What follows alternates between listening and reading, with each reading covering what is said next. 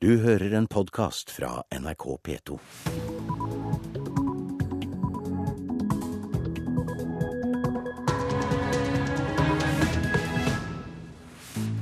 Velkommen til Nyhetsmorgen i P2 og Alltid nyheter. Jeg heter Hege Holm, og fram til klokka er ni kan du høre mer om bl.a. disse sakene.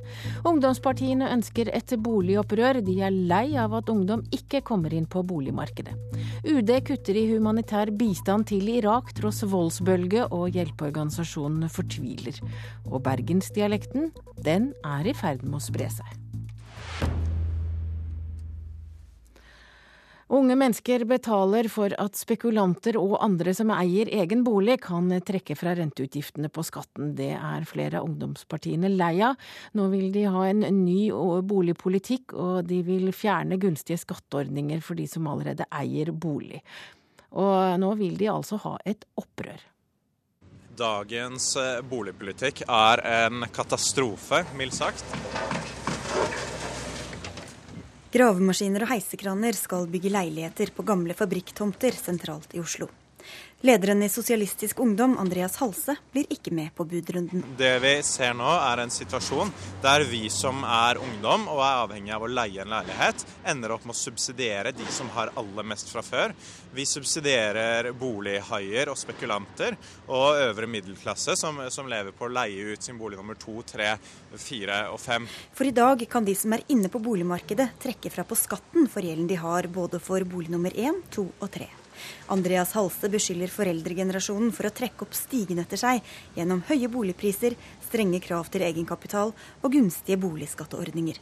De sitter godt i det. Vi ender opp med å måtte leie store deler av livet og kaste bort store deler av inntektene uten å sitte igjen med noen ting. Jeg mener at det er et paradoks at i verdens rikeste land så er Olav Thon landets største mottaker av studielån, eh, uføretrygd og minstepensjon gjennom boligmarkedet. Og han får støtte fra uvanlig politisk hold gjennom Unge Venstres leder Sveinung Rotevatn. Dagens rentefradragsordning særlig fører jo til ei formuesoverføring på om lag 40 milliarder i året fra de som er ute til de som er inne. Så det mener jeg er usolidarisk, og det bør en endre på. Sosialistisk Ungdom vil innføre eiendomsskatt og fjerne rentefradraget fra og med bolig nummer to.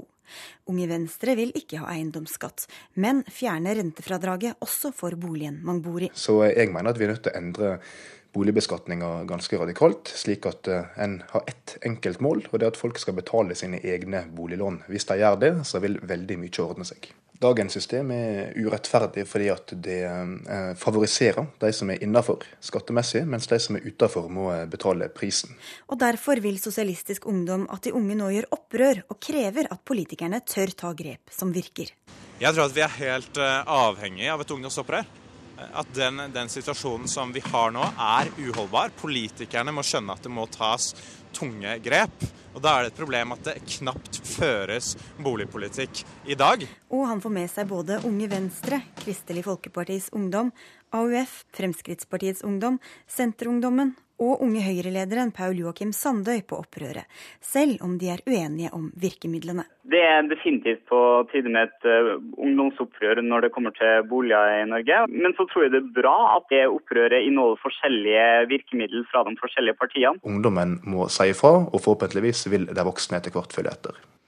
Ja, og Reporter her var Sigrid Sollund, og en av de voksne, det må vel du kalles investor og redaktør Trygve Hegnar. Hva syns du om eh, ønsket om et eh, boligopprør blant ungdomspolitikerne? Ja, Det tror jeg er ganske misforstått. Eh, og dessverre så er det også da helt vilt når man da snakker om nye virkemidler. Altså Det jeg trodde faktisk alle i Norge har fått med seg, og da mener jeg alle, også ungdomspolitikere, er at vi i Norge har hatt en befolkningsvekst som er altså den sterkeste på mange tiår.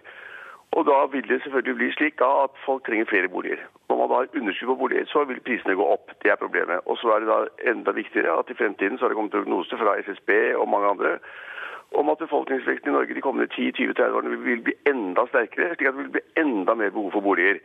Og de må bygges av noen. Og Det er jo helt åpenbart at hvis man skal innføre reguleringer på pris eller trekke fra rentefradrag osv., ta bort det, så betyr det at det vil bli bygget færre boliger enn det er i dag. og Da blir det enda verre. slik at Det vi må gjøre, er å stimulere bygging av boliger for studentboliger, for eldre og utsatte som med dårlig økonomi. Men den store boligmassen må komme fra folk som faktisk er interessert i å putte penger i boligmarkedet, slik at vi får bygget masse flere boliger. Hvis man gjør man gjør som på en måte forhindrer eller gjør det negativt for folk å investere i boliger, vil gjøre at boligene blir enda dyrere, og det blir færre av dem. Men eh, de har jo rett, ungdomspolitikerne, i at de betaler skatt, men eh, de får jo ikke skattefordelen som eh, boligeierne får når de trekker fra rentene? Jo, de får de veldig raskt. Altså, Så fort de er ferdig med å studere i Norge, får de sammenlignet med resten av verden rimelig høye inntekter, og får den fordelen umiddelbart. Det som er Hvorfor jeg syns opprøret opprør er litt naivt og tåpelig, det, det, det er jo det at Hele vår boligpolitikk er bygget på at de som da kjøper egen bolig, skal få lov til å trekke fra rentene i, i forbindelse med selvangivelsen. Hvis man tok det bort, så river man og tepper bort under ni tiendedel av de som er i boliger i Norge. Og det er ikke spekulanter, det er alminnelige mennesker med alminnelige inntekter. Eh, og river teppet vekk. Eh, og det går selvfølgelig ikke. Man kan ikke ta bort en ordning som man har brukt 50 år på å innarbeide. Det vil bare skade den alminnelige eh, borger i dette landet. Men Hegnar, mange vet jo at du og, og, folk på din alder er med på å finansiere boligen til deres barn, og tar opp nye lån for å kjøpe boligen til neste generasjon? Ja, ja jeg, tror, jeg hørte det ble sagt flere ganger at uh, det er spekulanter og andre som da har mange boliger, boliger nummer tre, fire, fem. Det er helt sikkert mennesker som har to eller tre boliger, men det er så få at jeg orker nesten ikke tenke på det engang. Pro problemet må faktisk være å skaffe, sørge for at hvermannsen, altså middelklassen, at de, og de som har litt dårligere råd, at de får råd til å eie en bolig. Og Den eneste måten å få det til på, er faktisk da å bygge flere boliger. og Det skjønner jo folk. Altså Prognosene nå er at hvis vi er litt uheldige, noen sier vi er heldige, i løpet av ti år så vil da innbyggerne i Norge øke fra fem millioner til seks millioner mennesker. De må bo et sted. Og Den eneste måten å få det på, er å bygge mer. Men Hegnar, både sentralsjef, banksjef Øystein Olsen, investor Jens Ultveit Moe, OECD og andre har jo tatt til orde for en hardere beskatning av nettopp bolig, så de er jo ikke helt alene, de uh, ungdomspolitikerne?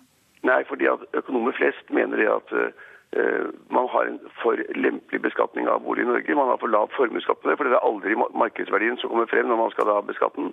Og fordi man har et rentefradrag. Men det er norsk boligpolitikk, og det er faktisk politikernes vilje at vi i Norge skal ha selveieboliger.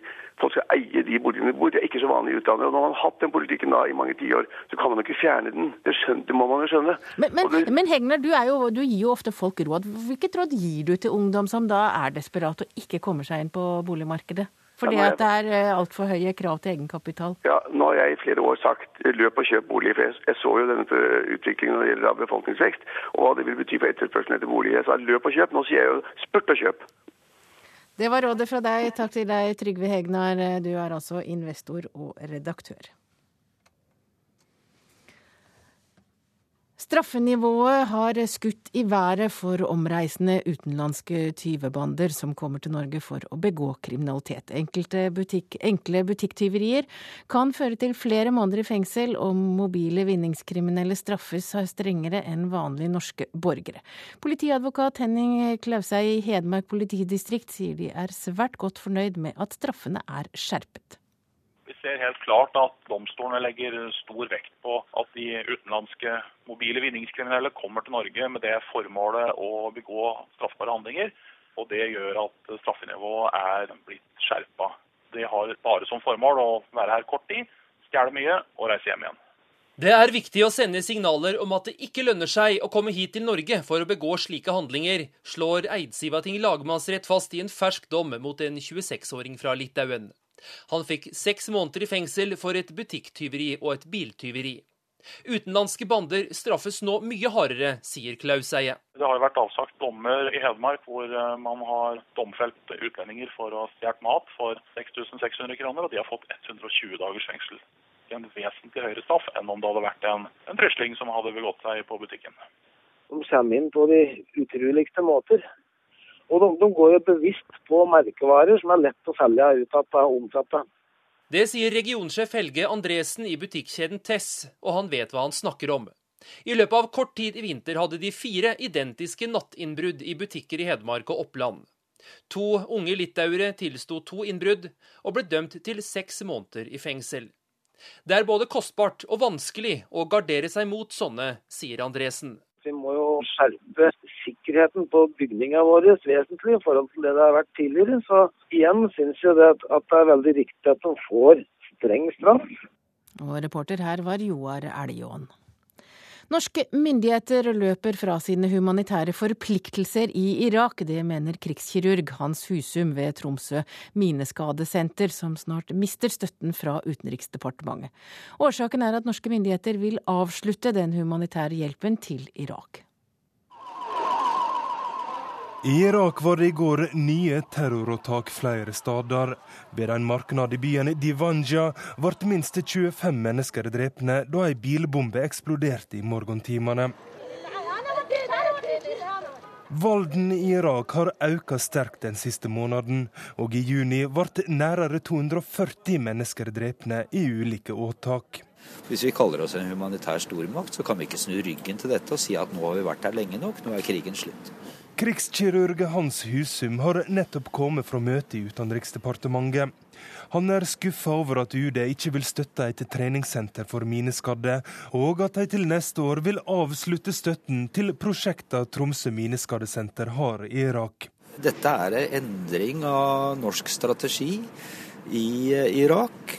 Tromsø-senteret har siden 1996 bygd et nettverk av leger og ambulansepersonell som arbeider for å berge liv i krigssoner og minefelt i det sentrale Irak.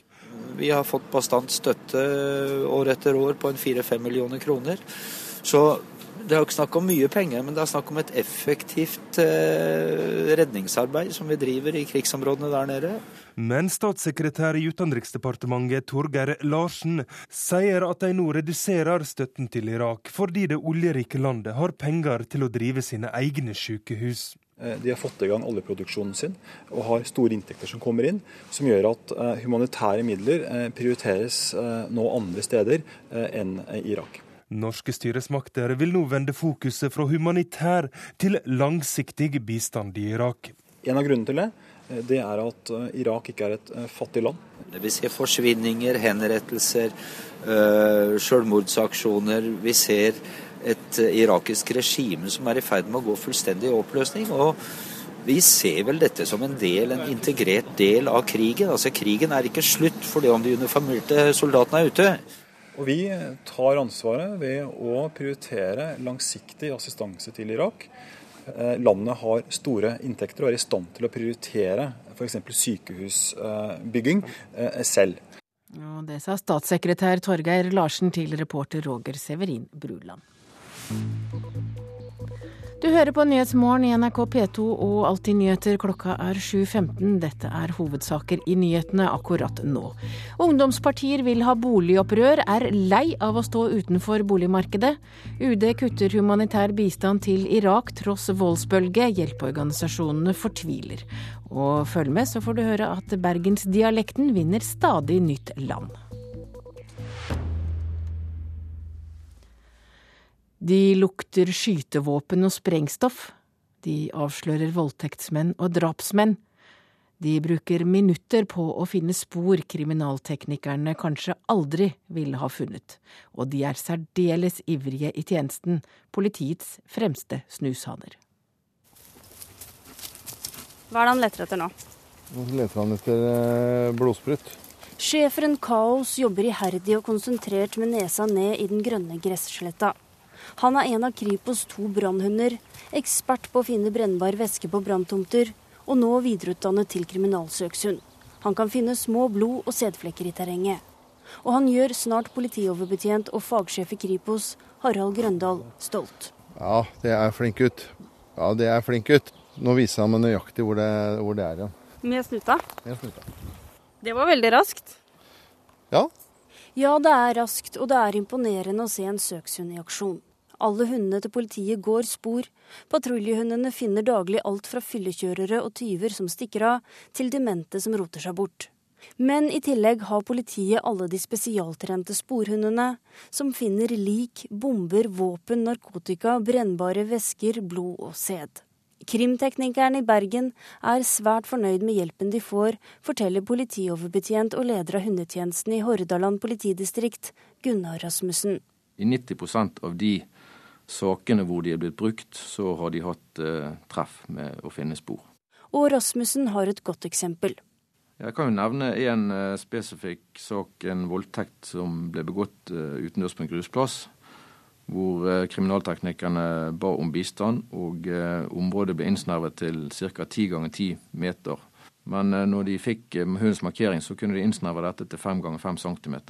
Og da fikk de en analyse som de var skeptiske til, faktisk, for det var veldig dårlig. Men når den ble sendt inn, så fikk de en full DNA-profil av en som allerede var siktet i saken. Og da ble jo dette også et viktig, viktig spor i tillegg til mistanken som forelå. Fagansvarlig for sporhundene ved Oslo politidistrikt, politioverbetjent Knut Larsen, mener hundene er uvurderlige.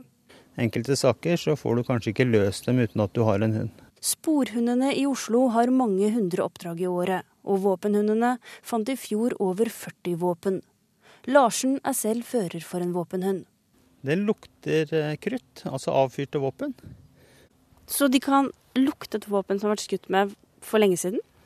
Ja, noen ganger så finner vi våpen som ikke kan være brukt på flere år. Da snakker vi en veldig god nese? Ja, nesa er nok veldig utmerket. En av de utmerkede nesene sitter på den svarte labradoren Koppel. Den er Follo politidistrikts eneste våpenhund, og særdeles ivrig i tjenesten, der den fyker gjennom tett granskog med fører politibetjent Anniken Egeli i hælene. Nå legger hunden seg ned, da har han funnet noe i sporet. Hva har du funnet? Tomhylse? En patron? Ja, god gutt. Bra. Hva er det han fikk som belønning nå? Nå fikk han en eh, tennisball som belønning for det han finner. Og det er det han eh, jobber for. Og så en tennisball, da. Og senere fant Koppel også pistolen, som var gjemt i et søkk som en del av treningen. Reporter her var Tonje Grimstad. Og Trond Larsen, du er politioverbetjent. Du arbeider med rekruttering av hunder på Politihøgskolen. Hva ser dere etter når dere leter etter en god politihund? Ja, Det vi ser etter er uh, først og fremst at uh, hunden har et eh, normalt sosialt forhold til mennesker. Eh, det er eh, grunnleggende egenskaper som er viktig for alle hunder. Og så ser vi selvfølgelig etter at hunden har stor arbeidslyst. Det er alfa og omega.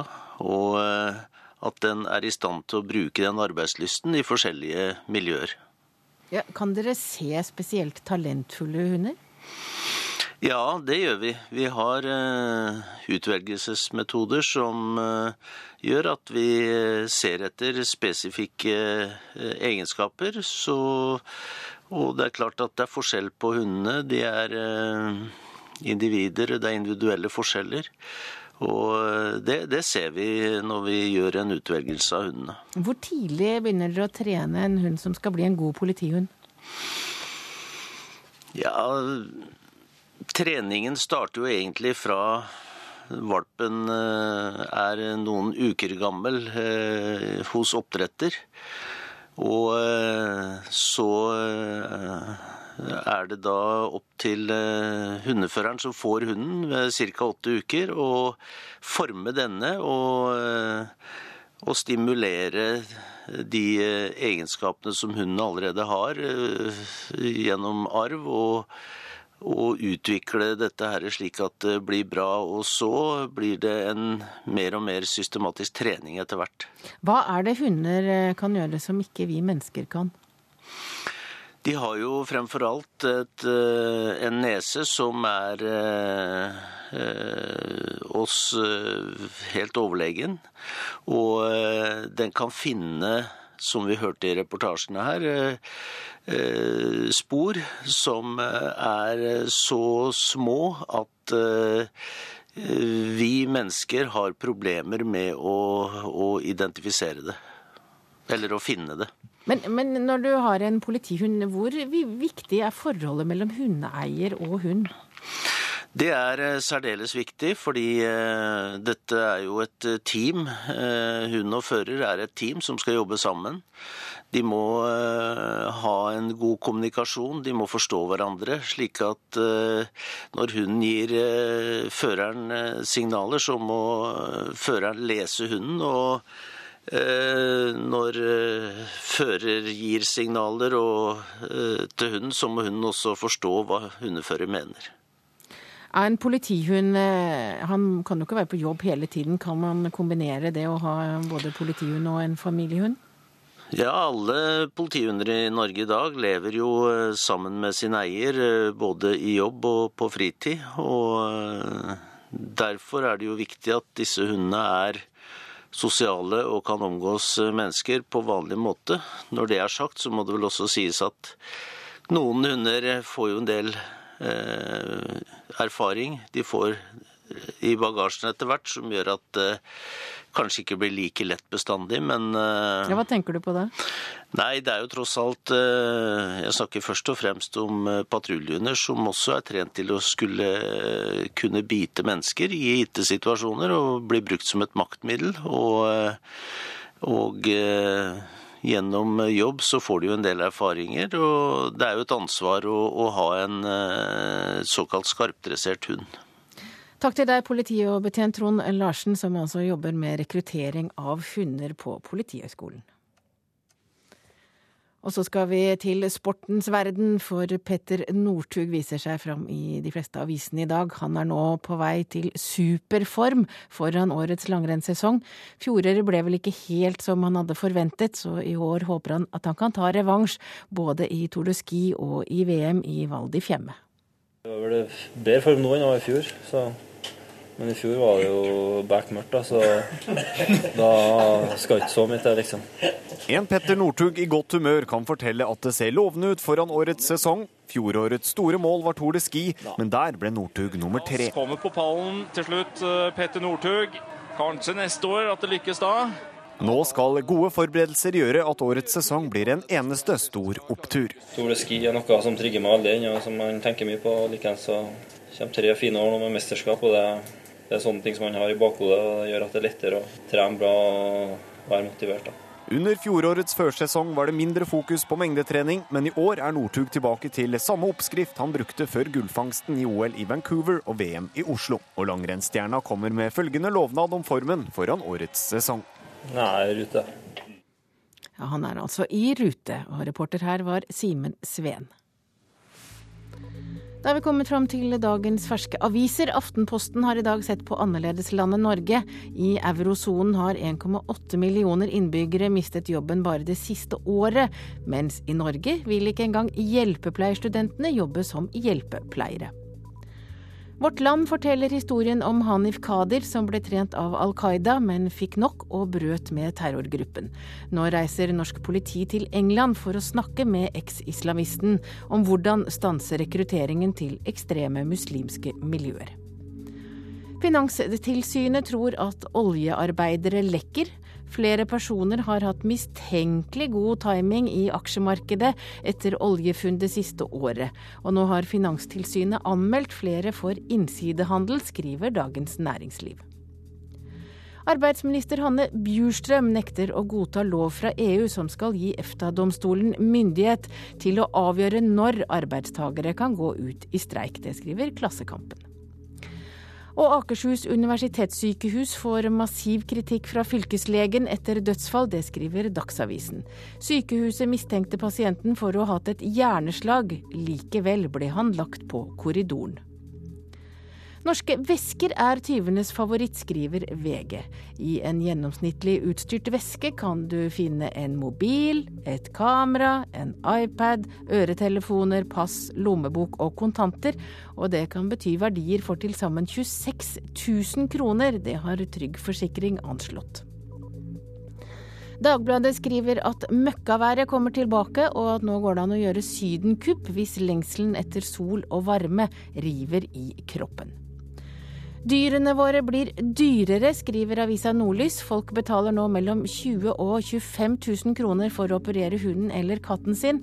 Samtidig er det mange som bare reiser fra kattene sine når de drar på ferie. Og krangel om matmakt kan skjerpe EU-regler, skriver Nasjonen. Det er matbransjen i EU som ikke klarer å bli enige om hva som er god handelsskikk. Og fylkesordføreren i Sør-Trøndelag vil nå avlive måkene i Trondheim, det skriver Adresseavisen. Fylkesordfører Tore O. Sandvik langer ut mot bymåsene som han mener både angriper, skiter ned folk og stjeler mat. Bergensdialekten er som hjertet i bergensernes identitet. Den står sterkere enn noen gang og sprer seg fort til områder rundt byen. Det er de foreløpige resultatene i en mastergrad i antropologi som blir skrevet i Bergen i disse dager. Beste dialekten i verden. Er det det? ja. Evy Didriksen er nok ikke den eneste bergenseren som tenker det om sin dialekt. Bergensere er generelt veldig stolt av sin kultur og historie. Det forteller Linn Marion Kleppe. Hun er oppvokst i USA med to norske foreldre, og nå skriver hun en masteroppgave i antropologi ved Northern Illinois University. Snart er hun ferdig med å intervjue 20 bergensere om bergensdialekten, og de foreløpige resultatene er ganske klare. Den er veldig sterk, og det er veldig lite man kan gjøre for å stoppe det. Grunnen til at bergensdialekten beholder sin posisjon, kan være fordi bergensere bruker den til å vise f.eks. Oslo at de er selvstendige. Det er sånn rivalry-type. Det er veldig viktig for dem. Men det er at de er så innestengt mellom de syv fjell. At de har kanskje vært litt flinkere på å beholde den dialekten de har pga. geografi, i tillegg til som politiske årsaker. De foreløpige resultatene i Linn Marion Kleppe sin masteroppgave viser også at bergensere er svært klar over hvordan de blir oppfattet andre steder i landet. At de er kanskje litt brutende, høylytte, ikke redd for å si ifra. I samtaler så bryter de av folk. De syns det er litt gøy å gjøre seg til, da, hvis de er blant andre. Når du drar til Oslo f.eks., tenker du over at du snakker bergensk da, på et vis? Kanskje vi snakker enda mer bergensk, kanskje, for å markere oss litt. Vi er vel normalt høyrøstet, vel. så, så, vi blir jo lagt merke til, tror jeg. Jeg skarer ikke ekstra, for å si det sånn. Men eh, jeg spiller jo av og til på det overfor kollegaer og sånne ting. Det, det gjør man jo gjerne. Ja, så vet vi det. Reporter her var Helena Rønning. Nå er det snart tid for Dagsnytt. Etter Dagsnytt skal vi til Argentina, som er kjent som et av verdens mest mannssjåvinistiske samfunn, og nå plutselig er blitt et foregangsland for likestilling mellom kjønnene. Ja, produsent for Nyhetsmorgen er Kari Ørstavik. Jeg heter Hege Holm, og nå er det tid for Ida Creed og Dagsnytt.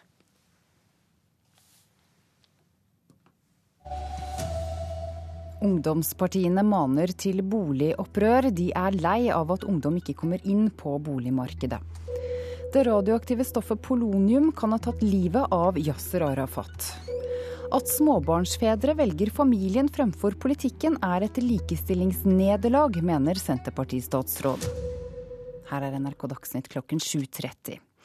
Flere ungdomspartier er lei av at unge betaler for at boligeiere slipper unna med lav skatt på hus og leiligheter.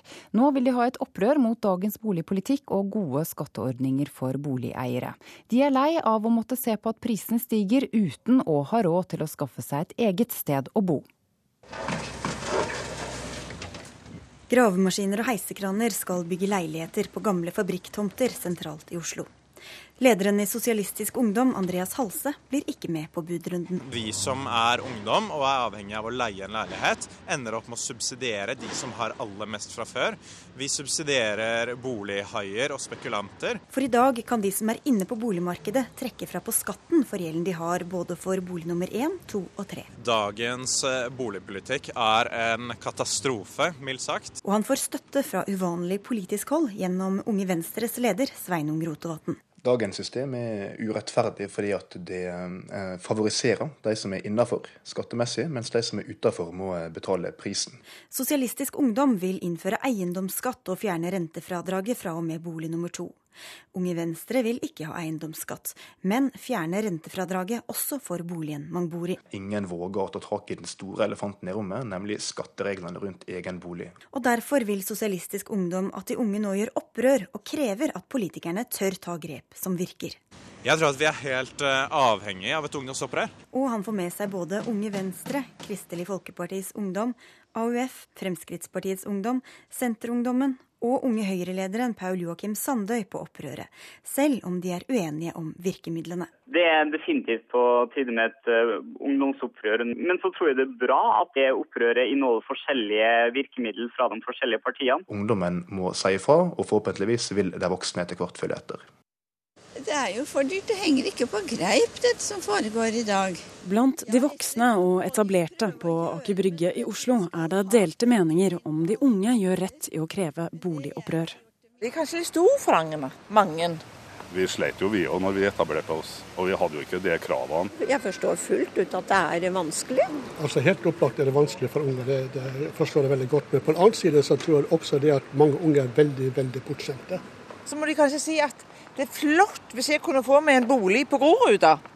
Håkon Haugli, boligpolitisk talsmann i Arbeiderpartiet, er enig i de unges krav om at noe må skje. Men skattefradraget for boligrentene vil han ikke røre ved. Det løser ikke problemet eh, å verken øke skattene eller å senke skattene. Hovedutfordringen er at det i Norge bygges for få boliger. Og skal flere få et sted å bo, så må vi bygge flere boliger. Reportere Sigrid Solund og Ane Gjørem. Og Høyre møter Unge Venstre til boligdebatt i Nyhetsmorgen klokken 7.45 i P2 og Alltid nyheter. Yasser Arafat kan ha blitt forgiftet med et radioaktivt stoff før han døde. Det viser undersøkelser som TV-kanalen Al Jazeera har gjort. Fredsprisvinner og tidligere president for de palestinske områdene Yasir Arafat døde i 2004. Årsaken til at han ble syk og døde har vært et mysterium. Men nå presenterer TV-kanalen Al Jazeera nye opplysninger kring dødsfallet. Et institutt i Sveits har på oppdrag fra TV-kanalen analysert flere av eiendelene til Arafat. Resultatene viser at tannbørsten og klærne hans hadde unormale nivå av det radioaktive stoffet polonium i seg. Det tyder at fredsprisvinneren også hadde høye nivå av polonium i kroppen da han døde, hevder Al Jazeera. Poloniumsforgiftning blir regna som årsaka til at den russiske avhopperen Aleksandr Litvinenko døde i London i 2006.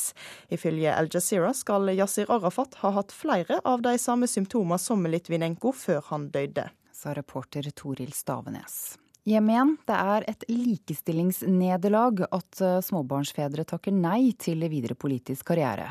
Det mener nestleder i Senterpartiet Trygve Slagsvold Vedum. I går sa Likestillingsombudet at disse var forbilder. Dette er bare et nederlag, mener landbruksminister Vedum. Jeg mener et nederlag for likestillinga. Her er jo kvinner slitt med i mange år. Fire småbarnsfedre har takka nei til attval på Stortinget, med familien som grunngjeving. Likestillingsombudet mener også det er trist at småbarnsforeldre må droppe politisk karriere. Men nestleder hos ombudet, Elisabeth Lier Haugseth, framhever samtidig de fire som likestillingsførebilder i Dagsnytt i går. De kan fungere som forbilder når det gjelder å ta vare på familie og barn. Det viser jo at vi nok er på vei til en jevnere fordeling av ansvaret for familie og barn, og det er bra. Nestleder i Senterpartiet og fersk landbruksminister Trygve Slagsvold Vedum er sjøl småbarnsfar. Han ser ingenting positivt i dette. Og det er ingen seier for likestillinga at det ikke er mulig å være distriktsrepresentant og samtidig ha familie. At du da føler deg tvunget til å slutte. At menn må ofre en karriere fordi arbeidsliv eller politikk ikke er tilrettelagt, er ikke noe framsteg, selv om kvinner har gjort det før, mener Vedum. Ja, det er, det er, helt misforstått. For det her skal jo være representanter fra hele landet som skal møtes i Stortinget og få fram ulike syn. Og da er det et nederlag hvis en småbarnsfar føler at det ikke er mulig å kombinere det å være representant med det å ha familie. Reportere her var Håvard Grønli og Terje Gillesammer.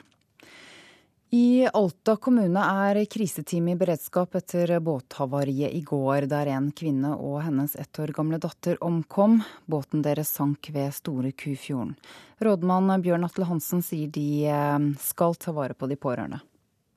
Vi har ikke satt eh, kriseteamet vårt i beredskap og har gjort en del ting i forhold til bl.a. Eh, den barnehagen hvor, hun jenta gikk i. og og også i forhold til, den, til arbeidsplassen til, til faren. Da. Hvordan er lokalsamfunnet preget av det som har skjedd?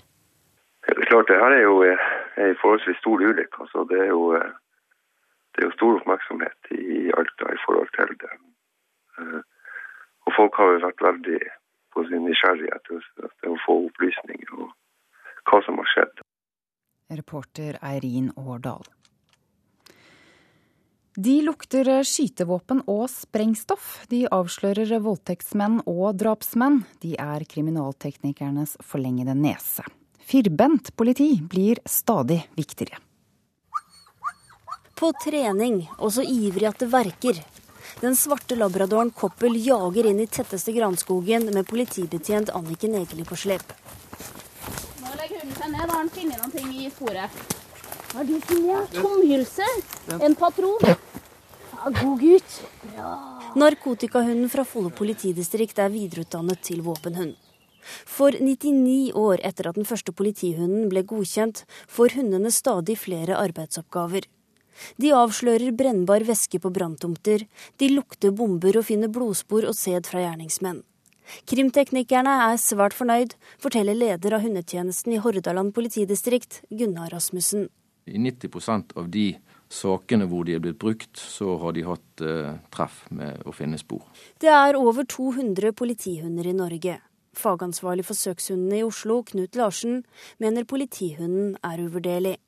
Enkelte saker så får du kanskje ikke løst dem uten at du har en hund. Jeg tror kanskje at hundenese er det viktigste fortsatt. Hva er det han leter etter nå?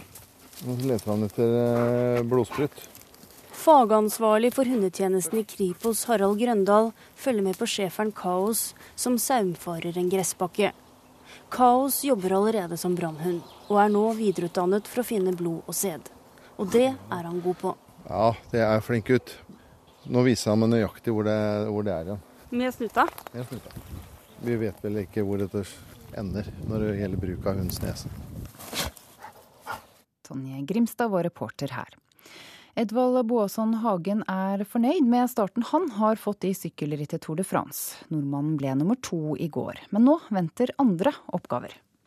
Målet er fortsatt den gule trøya for Bradley. og Jeg nærmer meg en, en eh, seier, men jeg har ikke fått den ennå. Men jeg er bra fornøyd med starten så langt. Mange hadde spådd at gårsdagens etappe var Edvald Boasson Hagens største sjanse til seier i årets Tour de France. Der ble han nummer to bak stjerneskuddet Peter Sagan. Det var utrolig hardt. og Det var nok mange som kjente de bakkene som var i forkant. og Den spurten var tøff. Så jeg er glad jeg klarte å, klarte å få andreplassen her. Nå venter en tilværelse som hjelperytter for verdensmester Mark Cavendish og sammenlagt favoritt Bradley Wiggins. Team Sky leder for øyeblikket lagkonkurransen, men håper å få en på laget i den gule ledertrøya også. Det er jo ikke bare lagkonkurransen vi håper på å lede, men eh, det er jo en bra start. Så får vi håpe at vi kan lede sammenlagt etter hvert òg. Reporter Simen Sveen. Ansvarlig for denne sendingen Ragnhild Bjørge, Hanne Lunås og Ida Creed.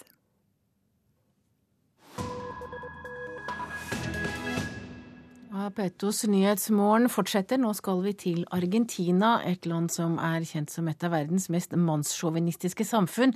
Nå er det plutselig blitt et foregangsland hva likestilling mellom kjønnene angår. Eller enda mer presist for de kjønnsoverskridendes rettigheter. De kalles transgender på engelsk og transpersoner på norsk. I Argentina har president Cristina Fernandes slått et slag for transseksuales og deres rettigheter i et likestillingsperspektiv.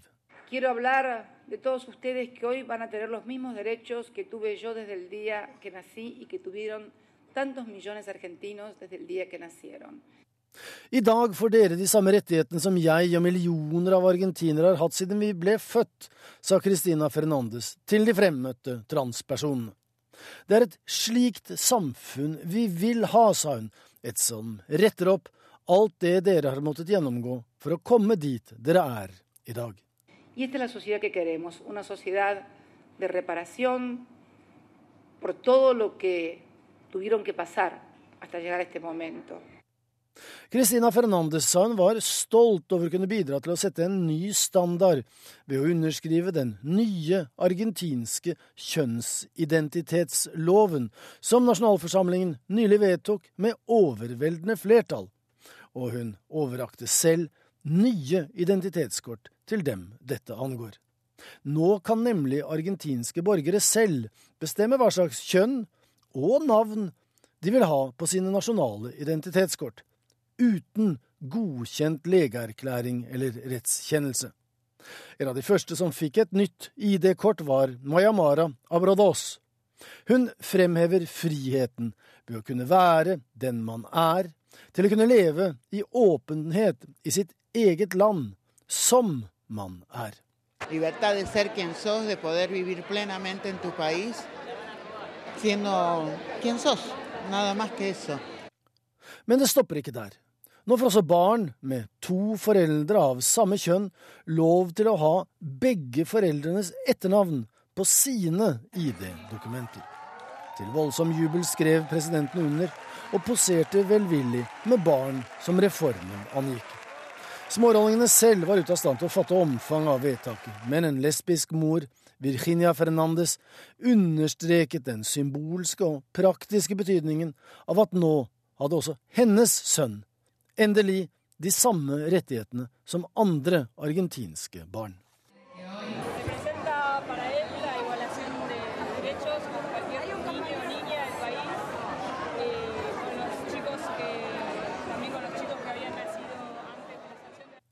Det er ikke første gang det vanligvis så mannsdominerte Argentina viser seg fra denne noe overraskende siden. Republikken ved Rio de la Plata var det første landet i Latin-Amerika som godkjente, for to år siden, at to av samme kjønn giftet seg med hverandre. Samtidig, det er oppløftende, lovende, og det går rette veien.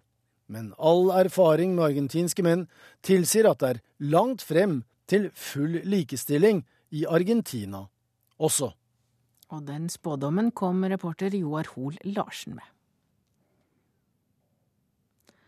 Da er eh, klokka 7.43. Du hører på Nyhetsmorgen i P2, og dette er hovedsaker akkurat nå. Ungdomspartier vil ha boligopprør. De er lei av å stå utenfor boligmarkedet. UD kutter humanitær bistand til Irak tross voldsbølge, og nå fortviler hjelpeorganisasjonene. At småbarnsforeldre velger familien framfor politikken er et likestillingsnederlag. Det mener Senterparti-statsråd. Det er et likestillingsnederlag at småbarnsfedre nå takker nei til en politisk karriere fordi de har barn. Det sier nestleder i Senterpartiet Trygve Slagsvold Veum. I går sa Likestillingsombudet at småbarnsfedre som la ned den politiske karrieren, var forbilder. Det er ikke mulig å se dette som annet enn et stort nederlag. Det mener altså landbruksminister Veum. Jeg mener et nederlag for likestillinga. Her er jo kvinner slitt med i mange år. Fire småbarnsfedre har takka nei til attval på Stortinget, med familien som grunngjeving. Likestillingsombudet mener også det er trist at småbarnsforeldre må droppe politisk karriere.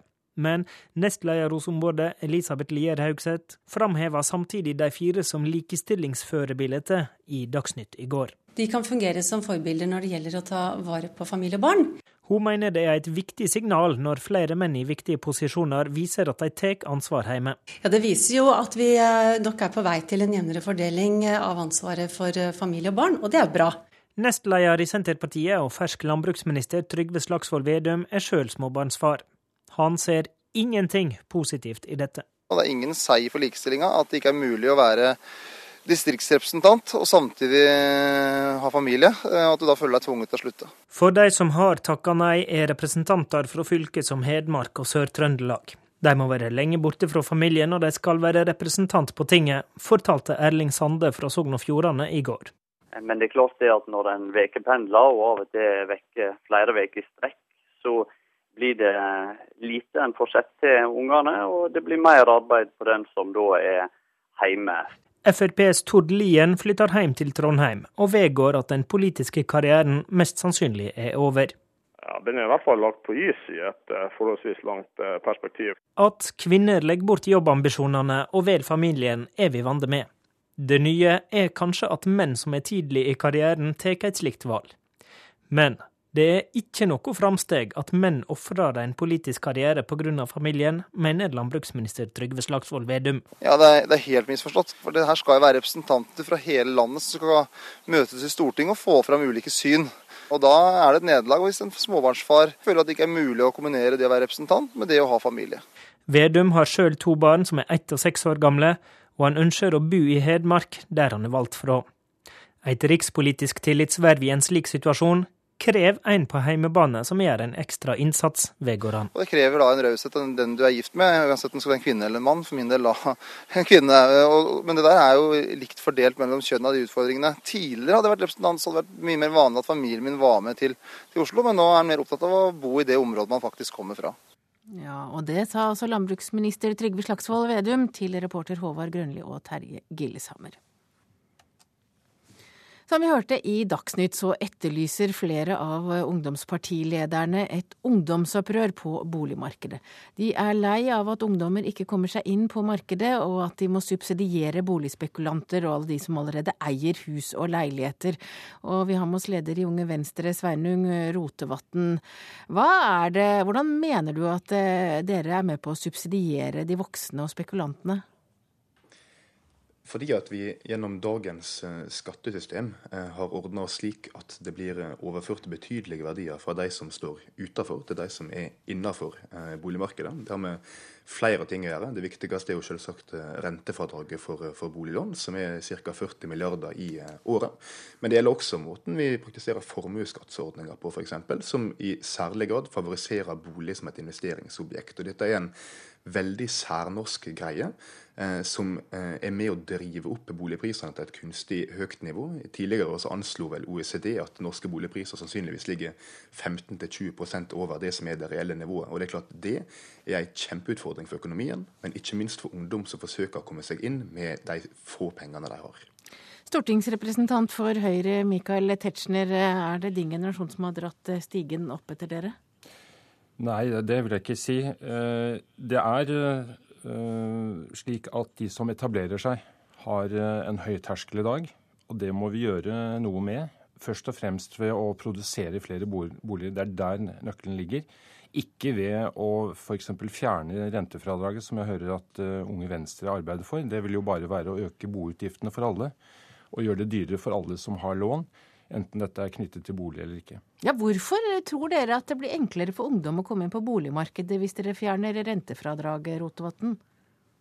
Det å trappe ned rentefradraget på sikt er jo bare én del av det en må gjøre i en fornuftig skatteomlegging som også vil eh, tjene ungdom. Nå har ikke jeg som noe mål å øke skattebyrden. Det jeg vil gjøre er å ha en mer fornuftig beskatning, slik at en eh, kan betale sine egne lån, rett og slett. Ingen andre skal betale lån. Men vil ikke være forferdelig urettferdig da, med folk som har tatt opp boliglån fordi de vet at eh, de, kan, eh, de har et rentefradrag i bånn? Jo, men Det er jo derfor jeg sier at vi er nødt til å gjøre dette over flere år og trappe det ned sakte, slik at folk har forutsigbarhet. Og så bør en bruke den økte provenyen det er snakk om, til å eh, senke inntektsskatten for vanlige folk og til å fjerne formuesskatten. Da vil de aller fleste med et normalt lån komme ut i null, men det vil føre til at en kan holde en lavere styringsrente. Det vil føre til mer stabilitet i boligmarkedet, og det vil sannsynligvis føre til lavere boligpriser. Så er jeg enig med Tetzschner i at det også er viktig å bygge flere boliger. Dette er den andre sida av mynten, og vi må klare å ha to tanker i hodet på en gang. Da er det helt avgjørende at jeg tror vi mjuker opp en del unødvendige reguleringer. F.eks. ser jeg ikke behov for at det skal være snusirkel i alle rom, men også at vi bygger tettere og høyere. Er... Her var det mange ting på en gang. Når du kommer til snusirkel i hvert rom òg, så er vi inne på byggforskriftene, Rotevatn. Og på den andre siden så høres det ut som du er litt ute og snakker på, grunn av, på Venstres vegne og vil gjerne at eh, dere skal bli kvitt noen skatter. Men poenget må vel være at du vil eh, få flere boliger slik at ungdom kommer seg inn på boligmarkedet? Ja, Poenget er at jeg vil ha flere boliger, og jeg vil ha boliger som blir prisa riktig, og at de ikke får kunstig høye boligpriser. Da må man gjøre to ting, og klare å gjøre to ting på en gang. Det er å bygge mer, men det er også å ta tak i et skattesystem som jeg så i DN i dag at 11 av 12 økonomer var helt enige om at en må gjøre noe med. Og så er det vanskelig å snakke om for mange politikere, men det betyr ikke at det er et mindre problem. Og det verste av alt er hvis dette faktisk krasjer før vi våger å gjøre noe med det. Ja, Tetzschner, er det vanskelig å snakke om eh, skattepolitikken i forbindelse med boligmangel? Ja, altså Særlig når, du velger virkemidler som her vil føre til bortfall av etterspørsel av, av bolig. Altså Dette forslaget konkret vil uh, føre til at folk ikke blir i stand til å etterspørre boliger. Og det betyr at boligproduksjonen kommer til å gå i stå. Og dette er altså det motsatte av det eh, de fleste som interesserer seg for boligpolitikk sier er hovedproblemet, nemlig at det bygges for få boliger. Så dette å gjøre det vanskeligere for folk å finansiere sin bolig, vil selvfølgelig føre til at det også blir solgt mindre boliger. Og dermed så er vi inne i en, i en nedadgående spiral. I dag så bygges det ca. 10 000 boliger for lite i året, og det er det som er hovedproblemet. Men det er i pressområdene? Det er i landet som sådan. Og så er du inne på noe at det er områder av, av, landet, og man skal heller ikke veldig langt ut fra våre storbyer før man har boliger som er, har en helt annen prisprofil. Eh, så det blir også spørsmål om å legge til rette gjennom eh, gode kollektivsystemer at vi kan åpne flere arealer for eh, boligbygging av høy kvalitet. Men Rotevatn, det, det er ikke det at mange av de du kjenner som ikke kommer inn på boligmarkedet, helst vil bo i sentrum, slik at de kan gå til studiestedet sitt, og der finner de ikke noe som er rimelig nok? Det er klart det er et viktig poeng at det er forskjell på både, både på bydeler og på by og land som sådan. Altså det, det, er klart det er forskjell på, på boligprisene i, i, Oslo, der Tetzschner sitter, og i Sogn og Fjordane, der jeg sitter. Selvfølgelig er det det. Men så er det jo også slik at det er mulig å gjøre ting på en smartere måte. Eh, det er ikke et mål i seg sjøl, eh, kanskje snarere tvert imot, at alle skal bo i Oslo. Men hadde vi bygd like tett i Oslo som vi er i Paris, så kunne faktisk hele Norge bodd i Oslo. Så dette handler også om eh, hvordan vi som lokalpolitikere eh, våger å bygge. Eh, og Da er det viktig at folk lokalt velger politikere som er villige til å si at kanskje skal vi bygge litt tettere her. Kanskje skal ikke alle eh, ha en svær hage i denne delen av eh, byen. Men skattesystemet er også en del av det. Og det er jo eh, ikke slik at det er et problem for ungdom eller et problem for de som skal inn at prisene som sådan blir lavere fordi de er kunstig høye i dag. Eh, og de vil mest sannsynlig bli lavere hvis en skatter bolig mer på lik linje med andre formuesobjekt, slik at en ikke bruker bolig som en plass å drive smart skatteplanlegging, men som en plass å bo. Og Det må jo være målet for politikken. Og Det er vanskelig å snakke om, selvfølgelig er det det. Tetzschner rister på hodet. Beklager, men, men altså det, det, der du er mest konkret, det er det som går ut på å øke vanlige folks boutgifter, og som forhindrer bl.a. den gruppen som du sier du er talsmann for, de unge, å komme inn på boligmarkedet. For det er nettopp slik at det er generasjonsperspektiv. Det er nemlig de som sitter med nedbetalte hus, som i mindre grad vil bli rammet av ditt forslag. De som vil bli rammet, er jo de som er tidlig som boligkarriere, og som har en ganske høy låneandel med ganske høye renter. Og da, gir vi oss i, da stopper vi debatten akkurat nå. Den kan bare fortsette videre utover dagen. Takk til Michael Tetzschner, stortingsrepresentant for Høyre, og leder i Unge Venstre, Sveinung Rotevatn. For nesten tolv år siden ble kirketårnet på 13 kirke i Gudbrandsdalen satt på bakken. Tårnet har nå blitt et symbol for norske kirker i forfall, og det anslås at det er vedlikeholdsetterslep på omkring 10 milliarder kroner. Men noen lyspunkter fins. På 13 er nå arbeidet med å få tårnet på kirken i gang igjen. Ja, det her ser du jo tårnet, som ble heist ned eh, da i år 2000, på høsten år 2000. Eh, og da har det stått her på bakken siden da. Så det, det tårnet har stått her i tolv år? Ja, det har stått her nesten i tolv år, ja. Og det har jo vært viktig at det har stått her også, da, tenker jeg. Fordi at det påminner oss alle om at her er det et problem som må løses. Sier sogneprest Øyvind Sagedal. Kirka på 13 ble raskt et symbol på forfall i norske kirker, og ble desto mer kjent da Linda Eide i NRK-programmet Norske attraksjoner fattet interesse for kirka. Det du ser her, er noe så sjeldent som ei kirke der tårnet ikke står oppå kyrkja, men ved sida av kyrkja. Med andre ord, velkommen til 13 kirke. Eneste kyrkja i landet med tårnet på bakkenivå. Og sognepresten er glad for oppmerksomheten. Ja, men det, det er ålreit, det. At den er blitt sånn et symbol for eh, dette store problemet. Og, og, det var vel fordi at tårnet da ble heist ned og står på bakken, så ble det sånn veldig tydelig eh, visuelt symbol på dette. her. Men i dag skjer det endelig noe, etter tolv år. Tårnet som står ved siden av kirka, og som er fra 1807, skal demonteres. Det var nemlig altfor stort og tungt. Så fort klokkene slo, svaia hele kirka. Det rista og skalv. Og en svimmel kirkelig måtte til slutt innse at de hadde gjort en tabbe. Derfor skal det settes opp et mindre tårn, lik det opprinnelige tårnet fra 1728, og det arbeidet starter i dag. Prislappen er 8 millioner, og håpet er at tårnet skal stå ferdig i 2015. Ja, Den 13 kirke ble jo et eh, symbol på hvor dårlig det står til med mange kirkebygg. Og for ti år siden framover så fikk vi mange sånne skandaleoppslag om eh, dårlig tilstand for kirkene sier Øystein Dale i Kirkelig arbeidsgiverorganisasjon KA.